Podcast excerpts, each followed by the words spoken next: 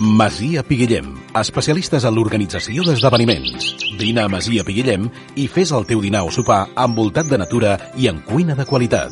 Més informació i reserves a masiapiguillem.com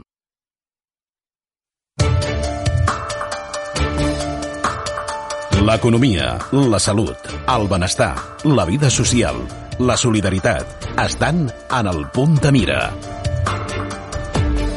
En el punt de mira és un programa per tractar en profunditat totes aquelles qüestions que ens envolten. En el punt de mira, un programa d'entrevistes amb Josep Lluís Navarro. Bon dia, radioients. Avui parlarem de l'esgotament dels recursos i final de l'etapa dels combustibles fòssils, així com les repercussions econòmiques.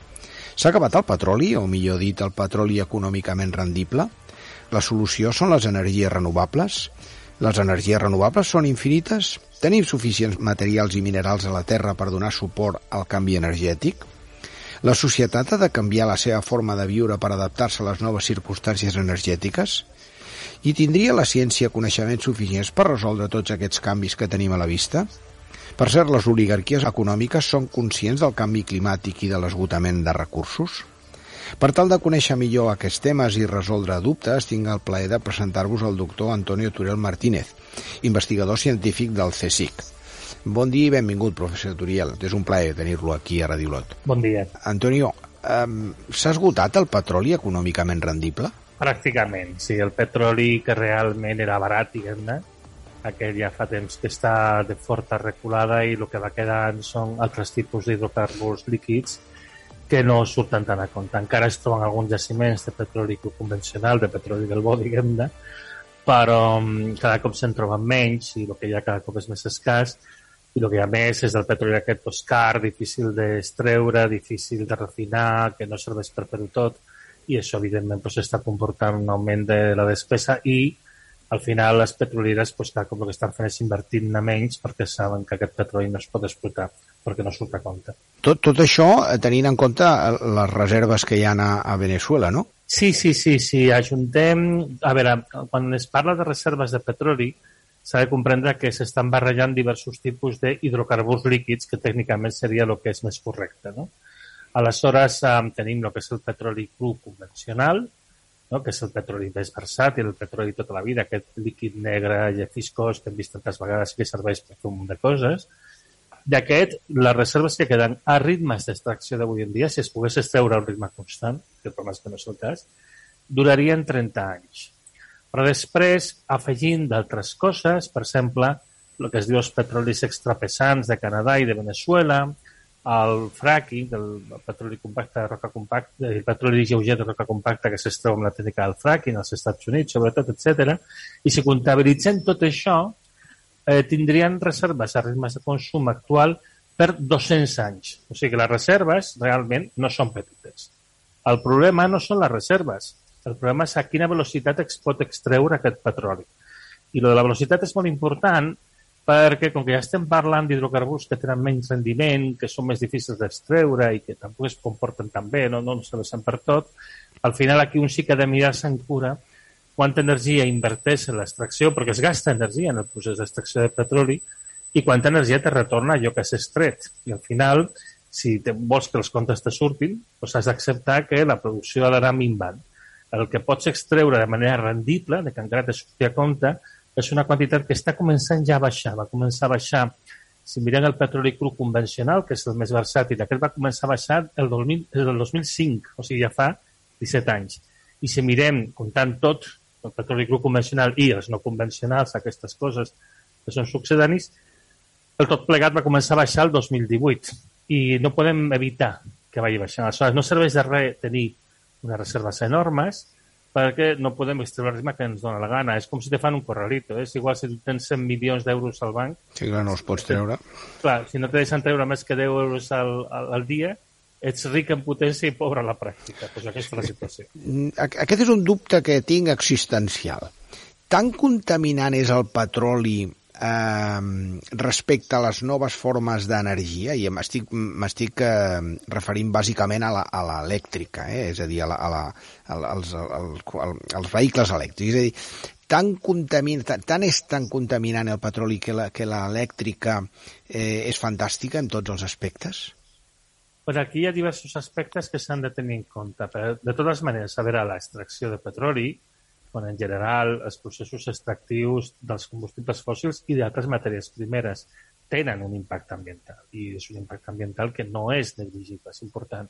I a més, en el cas dels combustibles fòssils té un impacte ambiental després quan es crema, no? es crema i produeix CO2 que desestabilitza el clima del planeta i, i produeix altres substàncies que també són contaminants i que són perilloses. ¿vale?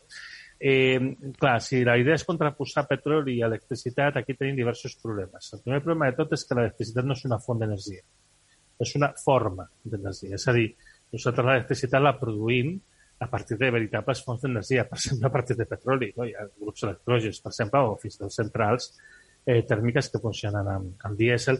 Són, és molt car, és la més cara produir electricitat i no es fan servir gaire, però, per exemple, a les illes a vegades sí que se'n fa servir. No?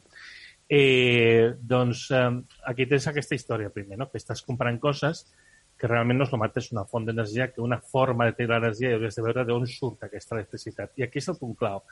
L'impacte ambiental que té els sistemes de producció d'aquesta electricitat amb el que tu el compares. Si tu te vas a la Xina, que te trobes que el 65% de l'electricitat es produeix cremant carbó, doncs, òbviament, allà no, no és que sigui molt verda o molt neta, aquesta electricitat. Si tu te vas a un país com ara Espanya, que pues, tens que un 40 llarg per cent de l'electricitat es genera a partir d'energia nuclear o de renovables, doncs aleshores, òbviament, és molt més neta. Però, bueno, net pur al 100% no n'hi ha res, perquè fins i tot les pròpies instal·lacions eh, de renovable elèctrica impliquen consum de materials, impliquen extracció, impliquen ciment, acer, etc etc. O sigui, tenen cert impacte, sempre, evidentment, molt més petit que, diguem, de la generació elèctrica a partir de combustibles fòssils. I després hi ha altra història que és molt important. Parlem d'energia i, en particular, parlem d'una crisi energètica i sembla ser que quan comencem a parlar d'aquesta crisi energètica i del problema d'energia en general, um, no ens adonem de que si bé l'electricitat és energia, uh, no tota l'energia és electricitat. De fet, l'electricitat és una part petita, petita de tota l'energia que es consumeix. El context del món l'electricitat representa només eh, el 20% de tota l'energia final. El cas de Catalunya arriba al 25%, però sempre tots els països, per més de, eh, desenvolupats que estiguin, tenim que l'electricitat doncs, no passa d'aquí és que d'un 20 i tants per cent i tens un 70 i molts per cent que no és elèctric i d'aquest 70 i molts per cent hi ha una part que és de difícil o fins i tot impossible electrificació. Aleshores, mm, no té massa sentit que ficar-se excessivament a la part elèctrica quan, a més a més, no hem resolt la manera d'aprofitar ben bé aquesta electricitat. I no oblidem que a Espanya, com a Catalunya i com als països europeus, el consum d'electricitat minva des de fa uns anys. O sigui, no estem consumint cada cop electricitat. Ja estem una mica saturats la quantitat d'electricitat que realment podem aprofitar.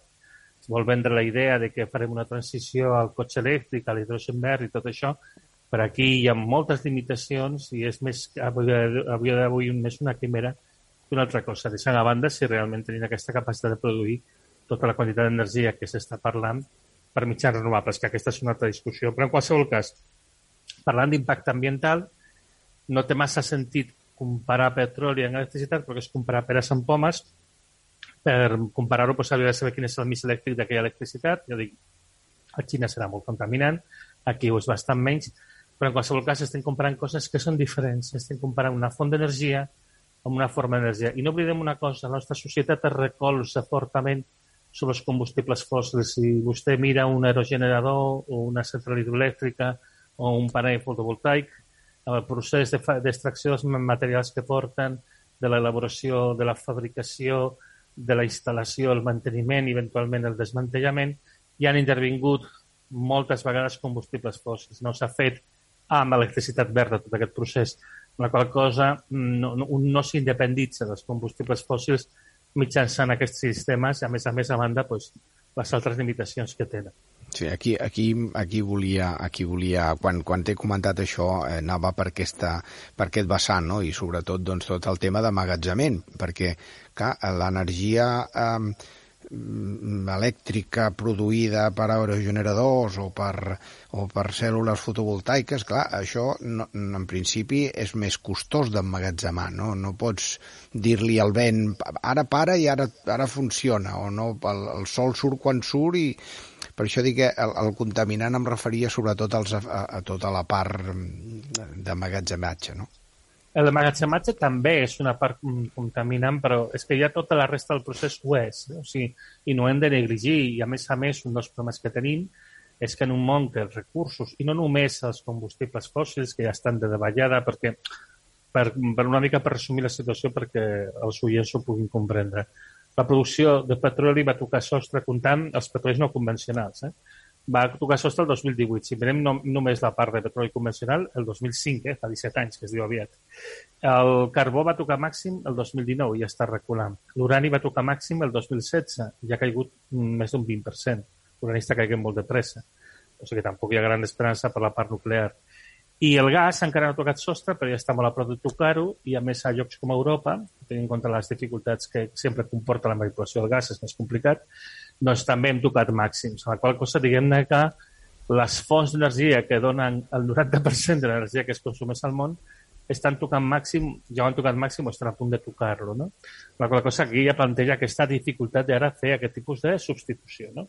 Però és que el problema és que al mateix temps que aquestes matèries primeres energètiques han tocat màxim, n'hi ha d'altres que no són energètiques que també estan a prop dels seus màxims d'extracció i que a partir d'aquí començarà a davallar. I, per exemple, el coure, que és fonamental en tota aquesta idea de, de transició verda, etc, també està arribant al seu màxim, tocarà màxim aviat, els més optimistes eh, diuen que el 2030, 2035, jo penso que pot ser abans justament per l'escassedat de, de, de petroli. No?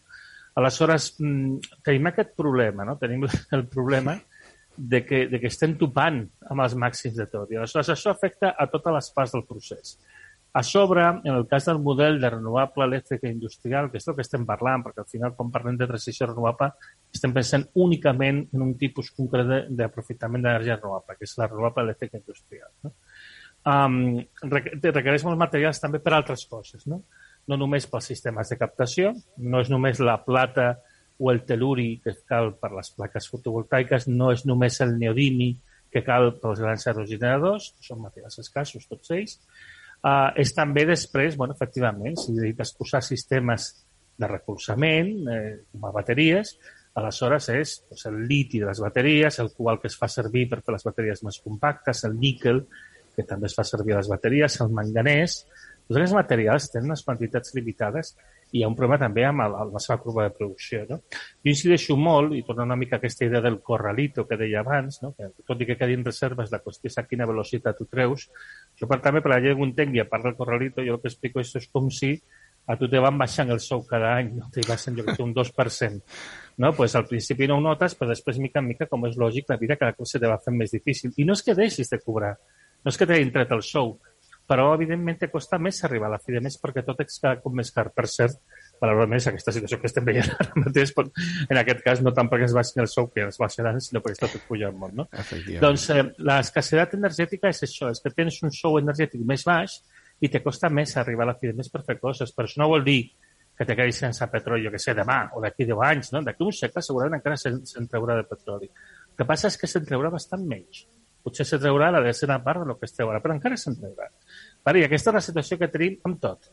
Aleshores, el model de renovables té tots aquests colls d'ampolla i afecta, per una banda, els propis sistemes, afecta els sistemes de recolzament que precisen, com ara, per exemple, les bateries que comentàvem, afecta també a els sistemes que haurien d'aprofitar aquesta energia, els cotxes elèctrics, les bateries de nou, i de nou també el motor elèctric amb més neodimi, etc.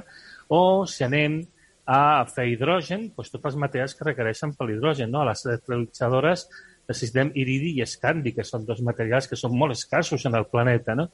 I suma i segueix, o sigui, és que tot, tot va així, tot és una enorme quantitat de materials que es requereixen, que és una cosa que s'intenta passar una mica d'amagatot i sobre ella, com si fos una cosa fàcil, es diu és una tecnologia verda, neta, maca, tal, i no veient tot l'impacte que hi ha al darrere i sobretot l'escassedat que hi ha al darrere. No? Aleshores, no és ni de bon tros evident per començar que aquest model pugui funcionar.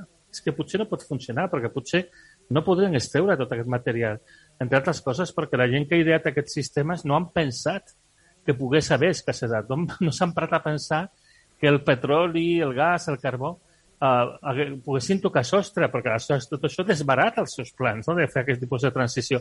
Jo m'he trobat una cosa molt curiosa últimament dels pocs que em neguen que estem ja al màxim de producció de petroli, quan les dades a més ho mostren claríssimament, doncs el pic i de més, són gent que teòricament està a favor de transició renovable, perquè són ben conscients que calen els combustibles fòssils per fer el model de transició renovable que volen fer. No?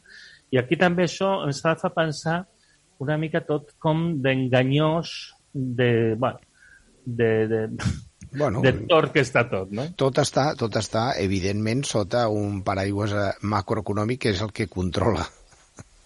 Bueno, és que sí, aquí al final, al final, al final la clau de tot és es vol mantenir a ultrança un sistema econòmic que el problema és que no és viable. Un sistema econòmic que es basa en la idea de que es pot créixer indefinidament, de, de vegades diguem creixement infinit, en un planeta que és finit. I això és absurd. És que en algun moment has de topar amb els límits biofísics que marca el planeta, que és gran, però de ser una bola rodona amb una mida i al final topes amb ella. No? I aleshores aquí està, la, aquí està la dificultat principal. I aleshores el, el paradigma econòmic actual, els economistes liberals s'hi neguen a acceptar això i a més a més bueno, refuten de les maneres més absurdes que te pots trobar, però és que cada cop es veu més clar que estem topant amb aquests límits biofísics. Tenim el problema del canvi climàtic, no oblidem, eh? estem patint una sequera terrible aquest any, hi ha una retroalimentació amb el canvi climàtic. Les sequeres són freqüents en l'àmbit mediterrani, però s'agreugen en una retroalimentació que hi ha amb el canvi climàtic. No? I altres efectes que estem veient, estem veient que hi ha un problema d'exauriment de combustibles fòssils, però també un problema de contaminació de les aigües, de l'aire, i una pèrdua de biodiversitat, hi ha l'erosió dels sols, hi ha molts problemes, tots ells associats al fet de que l'ésser humà està apretant amb força contra els límits d'esta bola rodona en la que vivim, que es diu planeta Terra, és molt grossa, però no és infinitament grossa.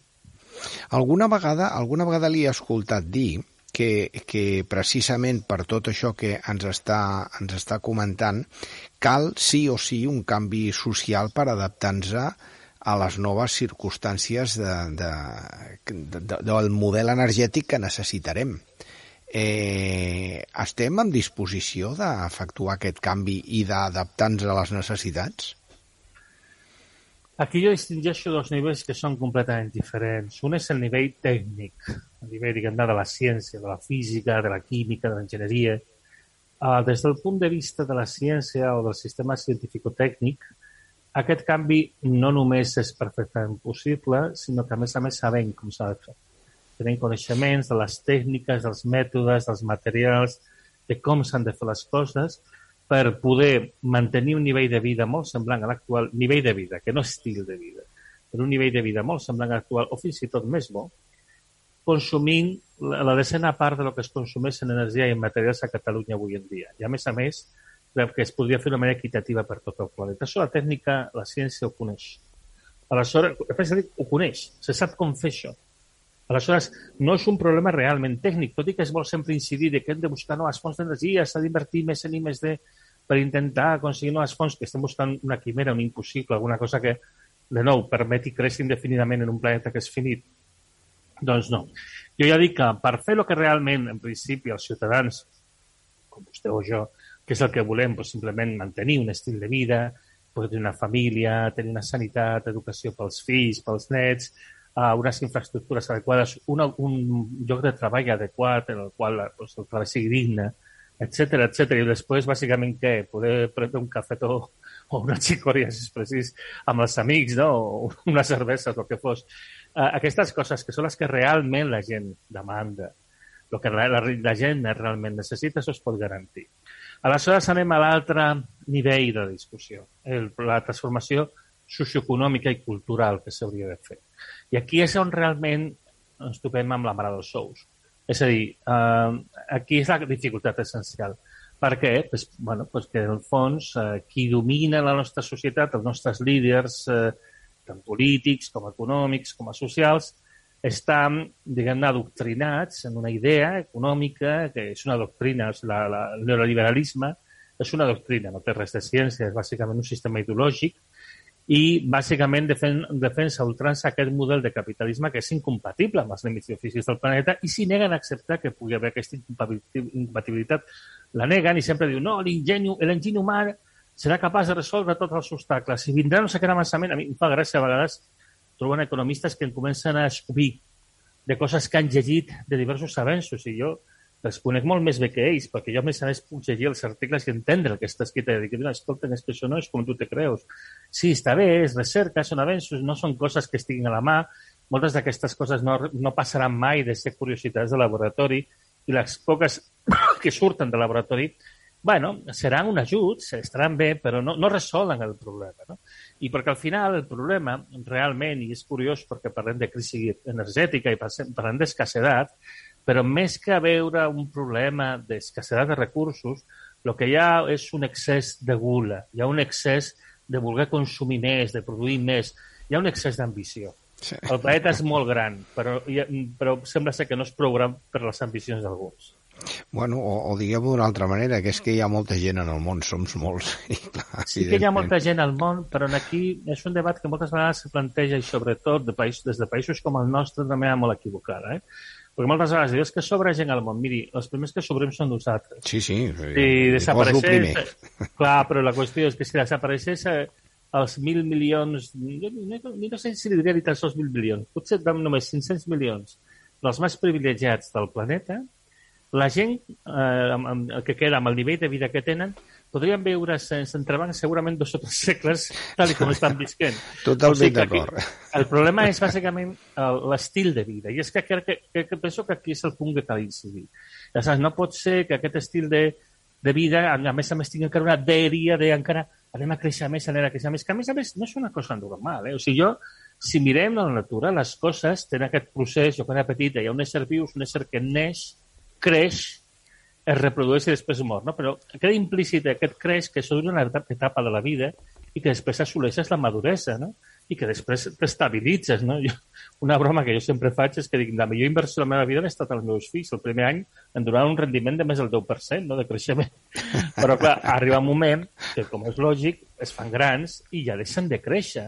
Arriben a la maduresa. Aleshores, és aquí que hem d'arribar. Hem d'arribar a aquesta maduresa de no necessitar créixer. I aleshores, si, si, pensem, si emprem a pensar, el fet de que necessitem sempre el creixement, de que si a Espanya el PIB no creix com a mínim un 2%, doncs hi ha problemes, no sé què, és una absurditat. O sigui, per què hem de créixer sempre? Bueno, doncs perquè això és un requeriment del capitalisme, del que busca unes taxes de regeneració, de, de guany de capital, que en el fons és el que ens aboca a créixer sense límits i és que al final el que s'està abocant cap a l'abisme i és el que hem de comprendre.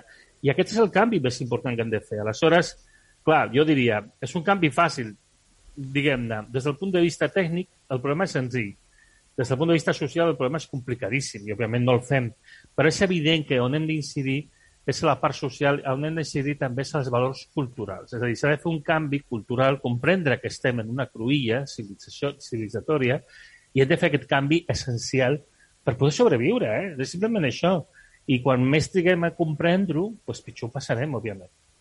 Passa que eh, això que té tota la raó perquè s'ha adelantat amb una de les qüestions i és efectivament que, eh, com bé diu, la, la ciència dona resposta i té la capacitat de, de, de proveir d'energia suficient per, per, eh, per, per viure, però no amb l'entorn que estem. El que passa és que, clar, les oligarquies, aquest establishment, eh, que no serà fàcil que deixin anar eh, deixin anar. El que passa és que tampoc és comprensible perquè ells també es veuran afectats, eh, perquè no podran estar amb un illot allà tancadets. Eh, això és, eh, és, és, és, de, és de perogrullo, però és així, no? És molt curiós, és molt curiós. Un problema que sol haver amb les sèries. A més, és molt curiós perquè a més hi ha estudis eh, de mirar civilitzacions que han col·lapsat abans de la nostra, i s'observa una cosa, i és que les èlits acaben tenint una desconnexió de la realitat. A més a més, si tu és un, un fenomen que jo dic de peixera, que acabes nedant en la teva pròpia merda, no? ells, ells consumeixen les seves pròpies opinions i viuen sí, sí. en un entorn aïllat, en una bombolla,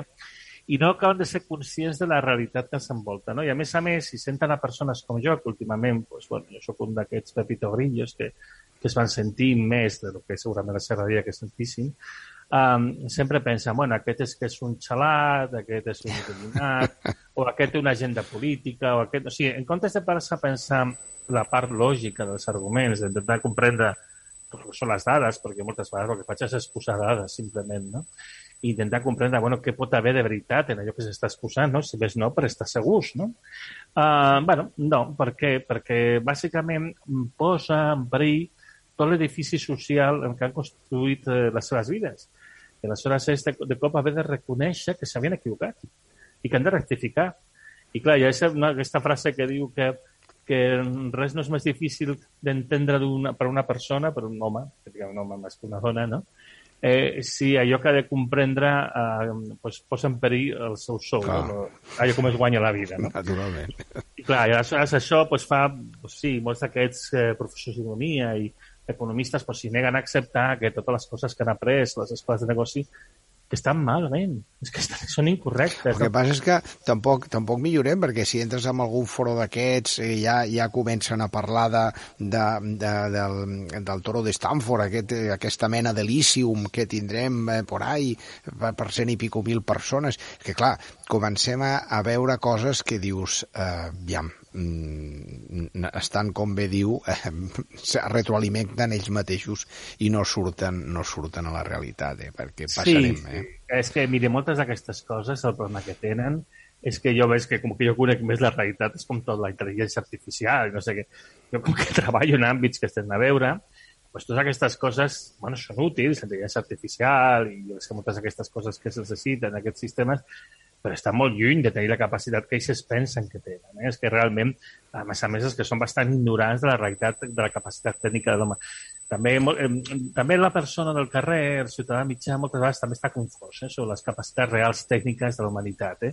Té unes capacitats enormes que ha costat molt de treball i els científics i els tecnòlegs, si ens esforcem molt i fem un treball immens i la gent no és capaç d'albirar l'enorme complexitat de la feina que fem, ni l'enorme complexitat del món. El món és un sistema complexíssim, o sigui, fent tractats de milers i milers i milers de pàgines per explicar aspectes concrets de tota aquesta complexitat. Hi ha moltíssima gent treballant i és, és dificilíssim el que estem fent. I podem fer moltes coses i hem aconseguit fer coses absolutament al·lucinants, coses increïbles, però tenim limitacions també. I el nostre coneixement, la nostra capacitat tècnica està molt per sota de les expectatives de vols i moltes vegades també les expectatives que s'alimenten a peu de carrer. I moltes vegades la gent pensa que, que, bueno, és que això si no s'està fent és perquè s'està amagant, hi ha una gran conspiració, i no se n'adonen que simplement no s'està fent perquè tècnicament és impossible, perquè la tecnologia humana té límits i, i, i són més mm, petits, estan més a prop del que ens pensa moltíssima gent, no? No, no podem fer tant com voldríem, no?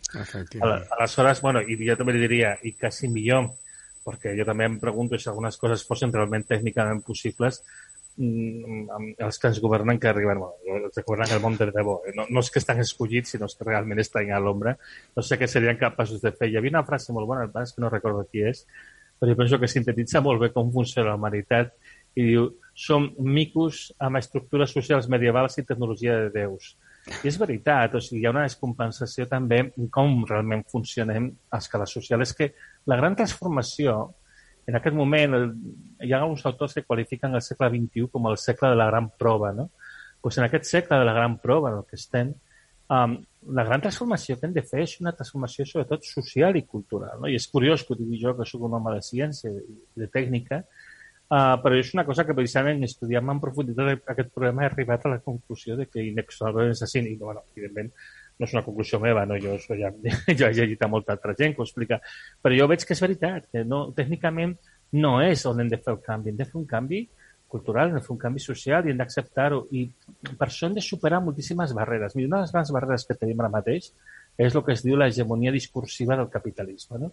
Moltes vegades quan tu dius s'ha de superar el capitalisme, hem d'anar a un altre sistema millor, que superi els problemes que té i que, i que bàsicament ens permeti estar en un equilibri real amb els límits del planeta i de més. No?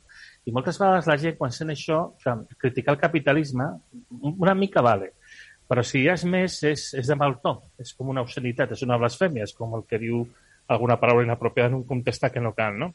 Ah. I aleshores, molta gent s'inhibeix i molta gent, a més a més, quan tu dius, no, no, és que no és una qüestió de trobar una font d'energia inexistent, per intentar resoldre un problema irresoluble perquè està mal plantejat, no? És que el que s'ha de fer és, bàsicament, abandonar el capitalisme i a progressar un altre sistema, evolucionar, continuar evolucionant. El capitalisme també era fruit d'una evolució i ha permès fer coses molt positives, coses molt negatives, òbviament, però bàsicament hem de continuar evolucionant, no? Uh -huh.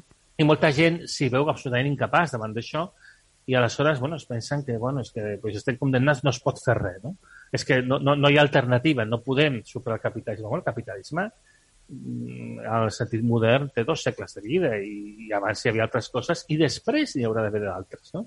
I aleshores tampoc no s'hem de posar en aquesta actitud fatalista de que no es pot superar, és que els sistemes de pensament, els sistemes socials, els sistemes culturals han anat a evolucionar al llarg de la història i, home, només faltaria que ara que no pogués evolucionar, a evolucionar per fer front a les dificultats, als problemes que s'està trobant. Ha tingut un relatiu èxit, però ara bueno, és el moment de continuar creixent, de continuar progressar, però creixent en el sentit personal, de maduració, no? Però eh, el problema aquest és que té tot el control del discurs, té l'hegemonia del discurs, i aleshores fa que sigui impensable res fora del capitalisme. No? I aleshores, quan intentes pensar fora del capitalisme, ja, primer de tot, te n'adones de què succeeix i una altra cosa que li passa a molta gent quan arriba a la conclusió de que el capitalisme el problema és que s'autocensura perquè sap que si dius això no seràs molt popular. Hi haurà molta gent que s'emprenyarà amb tu. Naturalment, I, naturalment. I aquí ens porta a molta autocensura també, precisament, entre la gent en formació tècnica, no? Jo ho veig també en els meus col·legues a vegades, no? Parles de temes ambientals i hi ha poca gent que es decideix del nom pas endavant i dir no, no, és que amb el meu coneixement jo puc dir que hi ha un problema ambiental molt gros i això no es pot fer així. Per què? Perquè se n'adonen que implica topar contra aquest sistema de creences, del capitalisme, la idea del, del benestar entès com que hem de produir més, hem de consumir més, etc etc i que al final te faràs impopular i és que, a més a més, que ho sabem per casos de col·legues, és que et poden arruïnar la vida. Aleshores, bueno, moltes vegades la gent s'autocensura, s'inhibeix perquè veu que bueno, s'està ficant en un lloc molt perillós. Bueno, però el circuit, el circuit està tancat, clar, eh, eh, sortir no és tan senzill.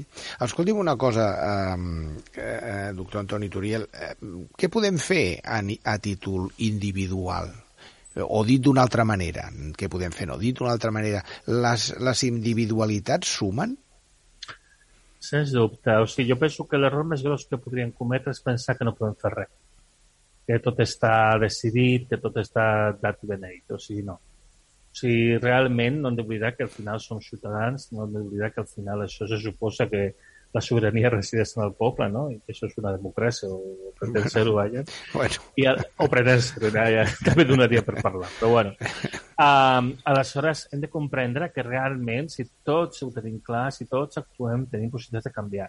Per això també és molt important fer pedagogia, no? I aleshores jo, la majoria de les vegades, quan vinc d'entrevistes com aquesta o les xerrades que faig, em centro més en els aspectes tècnics. Però mira, avui m'ha agafat que, que tenia més, ganes Més filosòfic, però, però, Sí. però molt entendibles, eh? Sí, però bueno, però al final és això, o sigui, jo penso que s'ha de fer molta pedagogia i s'ha d'explicar aquestes qüestions, no?, de que, de que, bueno, de que hem topat amb els límits biofísics del planeta, que és una cosa lògica, que és una cosa prevista pels científics des de fa molt temps, que no és la fi del món, però sí que és la fi d'un món, d'un món que consistís en, ha consistit en, en devorar, no?, en, en engolir, sense, sense degustar, es podria dir quasi, Sí, no? sí, sí, sí. Amb aquesta idea de créixer, créixer, créixer... Bueno, doncs, Ja ho ha dit abans, la gula. És una gula i aleshores jo penso que això ha de parar, s'ha de parar i s'ha de comprendre la gent.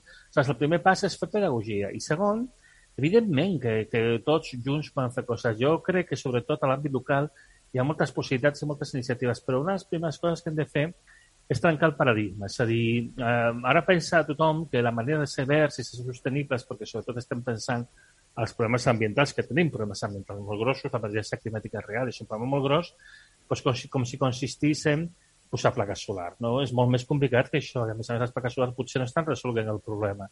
Aleshores, ens hem de centrar en una sèrie de coses. Miri, jo anant al terreny més concret i pensant en un àmbit no tant del ciutadà de peu. El ciutadà de peu jo crec que el que ha de fer sobretot és evitar emmerdar-se, no? evitar agafar crèdits que ara mateix no sabem si els podem tornar. Pensem, a més a més, que ara estem en una època d'alta inflació causada per la carestia de tot, per l'escassedat de tot, i la recepta del Banc Central Europeu i de les autoritats monetàries és la clàssica. Bueno, doncs si hi ha inflació, el que s'ha de fer és pujar els tipus d'interès, amb la qual cosa els préstecs es fan més cars i més difícils de pagar, no? I, I és el camí que anem a fer, amb la qual cosa, en el fons, agreujarem el problema perquè la, no hi ha inflació perquè hi ha un excés d'activitat econòmica, inflació perquè hi ha una escassedat de subministraments al sistema econòmic, però això aquesta gent als economistes no els hi entra i no. I per més que els hi diguis no, no, no canviaran, aniran a pinyó fixa i ja sabem què passarà. Pues evitar agafar crèdits és la primera cosa, no? I si tens de crèdits, intentar treure-te'ls de sobre. I després intentar guanyar en resiliència, intentar que la teva feina, la teva activitat, allò que tu facis, pues no depengui de coses que poden veure's afectades per interrupcions d'una cadena de a la Xina i no venen microchips, o jo que sé, a Rússia, i de com no tens alumini, no tens acer, etc etc. Aleshores, és molt complicat això, però una de les coses que hem de fomentar és la relocalització. L'abundància de petroli barat és el que va afavorir la globalització, no? El tema de tenir molta energia i abundant i barata, no? Eh, doncs ara que anem a una situació que l'energia es torna més escassa i, i més cara, el que hem de fer és anar a una relocalització. Aleshores, jo sempre els eixos que dic de les coses a les que hem de parar atenció, i això fa molt temps que ho explico, jo explico, per exemple, el llibre, el primer llibre que vaig escriure, uh, doncs, doncs la primera cosa que hem és l'alimentació. A més a més, és que clar, aquests dies s'està veient que hi ha un problema molt seriós amb l'alimentació, que hi ha un problema gravíssim amb l'alimentació. És un problema que ja s'anticipa des de finals d'any passat, quan vam començar a veure que començava a haver problemes de carestia i escassedat a la producció de fertilitzants derivats del gas natural, de fertilitzants nitrogenats, i que aquests dies s'està greujant amb restriccions a la producció d'altres fertilitzants i també amb el problema de que, evidentment, bueno, Rússia ha envaït Ucraïna en una situació que també té una connexió amb l'escassedat creixent de matèries primeres, no ens enganyem, no perquè a Rússia li interessin molt les matèries primeres d'Ucraïna, que també li interessa, però bueno, no, no hi ha tantes com perquè interessi tant, però sí que li interessa un posicionament geoestratègic de cara a, lo que a continuació, i l'accés al Mar Negre i tota una sèrie de qüestions. No? I ho fa amb la immoralitat de la guerra, no? Ja, clar. Doncs bé, però bueno, en qualsevol cas, doncs um, ara estem en una situació que, per exemple, escasseja el cereal, perquè, clar, Ucraïna, el gran d'Europa, amb les terres negres, farà que el, el, el cereal sigui més escàs. Estem veient problemes, per exemple, l'oli de girassol, que aquí alguns s'aprofiten a casa nostra i exageren el problema i de més, a veure, a llocs com a Catalunya, eh, doncs bàsicament el problema serà que tot s'encarirà i s'està encarint però hi haurà altres llocs del planeta que no paguen amb moneda forta com nosaltres i que ja el problema serà que no en tindran. I això aquí es poden generar revoltes. Ara imaginem una revolta al nord d'Àfrica i les conseqüències que pot tenir per a nosaltres, i més, si jo que sé, de cop col·lapsa un país com Algèria, del qual Espanya eh, treu bastant gas natural. O sigui, bueno, tenim tota una sèrie de connexions i de més. Primer, aliments. Espanya no és sobirana alimentàriament, Catalunya tampoc ho és. Bàsicament produïm el 40% de l'aliment que consumim el primer que hem de guanyar és autonomia alimentària i després sobirania, que puguem prendre decisions sobre el nostre sistema alimentari per garantir que es produeix allò que nosaltres realment necessitem en primer lloc. Segon, aigua. L'aigua, tenir aigua en condicions, consumeix molts recursos i molta energia. No és tan fàcil, ho donem per garantit. Obrim l'aixeta i raja i sembla que és una cosa facilíssima, no ho és pas. Una quantitat de gent treballant perquè això tingui bona qualitat i perquè no sigui un, un vector de transmissió de malalties com era el segle XIX. Quantes epidèmies de còlera hi va haver a Espanya durant el segle XIX? Sí, sí. La de València terrible a la meitat del segle. bueno, doncs és aquest tipus de malalties que es transmeten per una aigua en, poques, en, bones, no, no molt bones condicions. Hem de fer un esforç per tenir una aigua en condicions i, més a més, en un país que estarà afectat per la sequera, la zona d'Olot, evidentment, menys, però la resta de Catalunya estarà molt afectada per la sequera i per els problemes de, del canvi climàtic i aquí també s'haurà de fer praxis d'agricultura generativa i moltes altres coses que ajudaran a mitigar els efectes. I la tercera cosa, la relocalització, és que és de sentit comú, hem de relocalitzar l'activitat, no podem dependre d'allò que ens vingui d'un país governat per un tirà amb bombes atòmiques, o sigui, hem d'aprendre a viure amb les nostres coses, hem d'aprendre que lo bàsic, lo essencial, eh, ho hem de tenir nosaltres disponible a casa nostra, tot i que, bueno, econòmicament te diran no és no rendible, no sé què, etc. d'històries, és que si no després estàs en mans d'un Putin que al final fa en Europa el que dona la gana. Pues, hem d'aprendre que hem de localitzar i, més a més, en una situació que els recursos cada cop seran més escassos, amb la qual cosa també aquesta dèria i aquesta supèrbia que ha el Putin li durarà el que durarà, però ja, clar. la Rússia també caurà.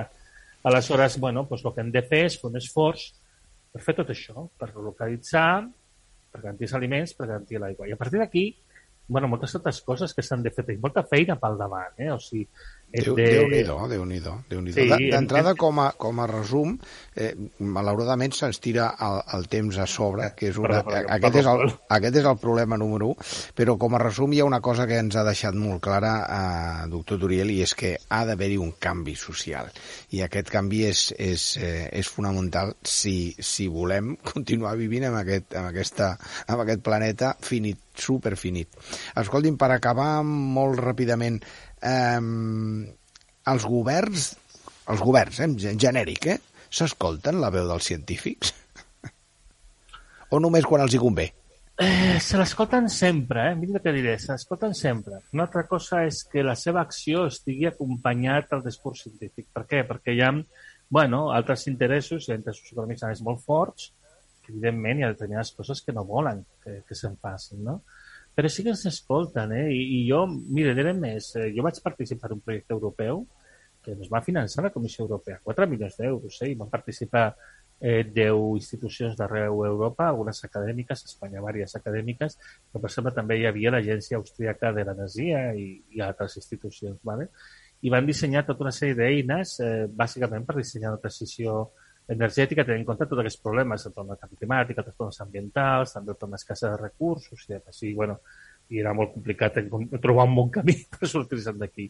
I són coses que se'ls ha explicat als governs i han estat exposat aquestes idees moltes vegades i les saben i les coneixen. I en recordem ara eh, aquell document de l'Agenda Espanya 2050 que va presentar Pedro Sánchez ara fa uns mesos i que parlava de que no tindràs mòbil, potser el canviaràs molt tan sovint, no tindràs cotxe, tindràs poca roba, no tindràs tanta aigua ni, ni menjaràs carn tan sovint, però bueno, que t'hi adaptaràs. O sigui, aquestes coses que eren bàsicament proposades per un grup d'experts, no? pues ja estan tenint en compte que anem a aquesta situació. Jo, de fet, el document aquell estava bastant d'acord, però a mi semblava més Espanya 2030, i per sort, eh, que no Espanya 2050. Doncs sí que se'ns escolta. esperem, que se esperem que no tingui raó, eh? No, jo no, no, no, no som de ser realistes, això és inevitable, eh? o sigui, però la, la clau és fer-ho de manera que no sigui traumàtica. És a dir, són canvis de l'estil de vida que el que importa és que no comportin un decreixement del nivell de vida. S'ha de canviar la forma de fer sense, sense que això realment comporti una degradació. Correcte. I es pot fer. Aleshores, eh, jo aquestes coses al final per mi són més estètiques que les coses veritablement fonamentals. És que, a veure, no ens enganyem, anem a una situació que, la, que i tindrem els propers mesos, que hi haurà persones en aquest planeta més de l'habitual que s'hi faltarà per menjar.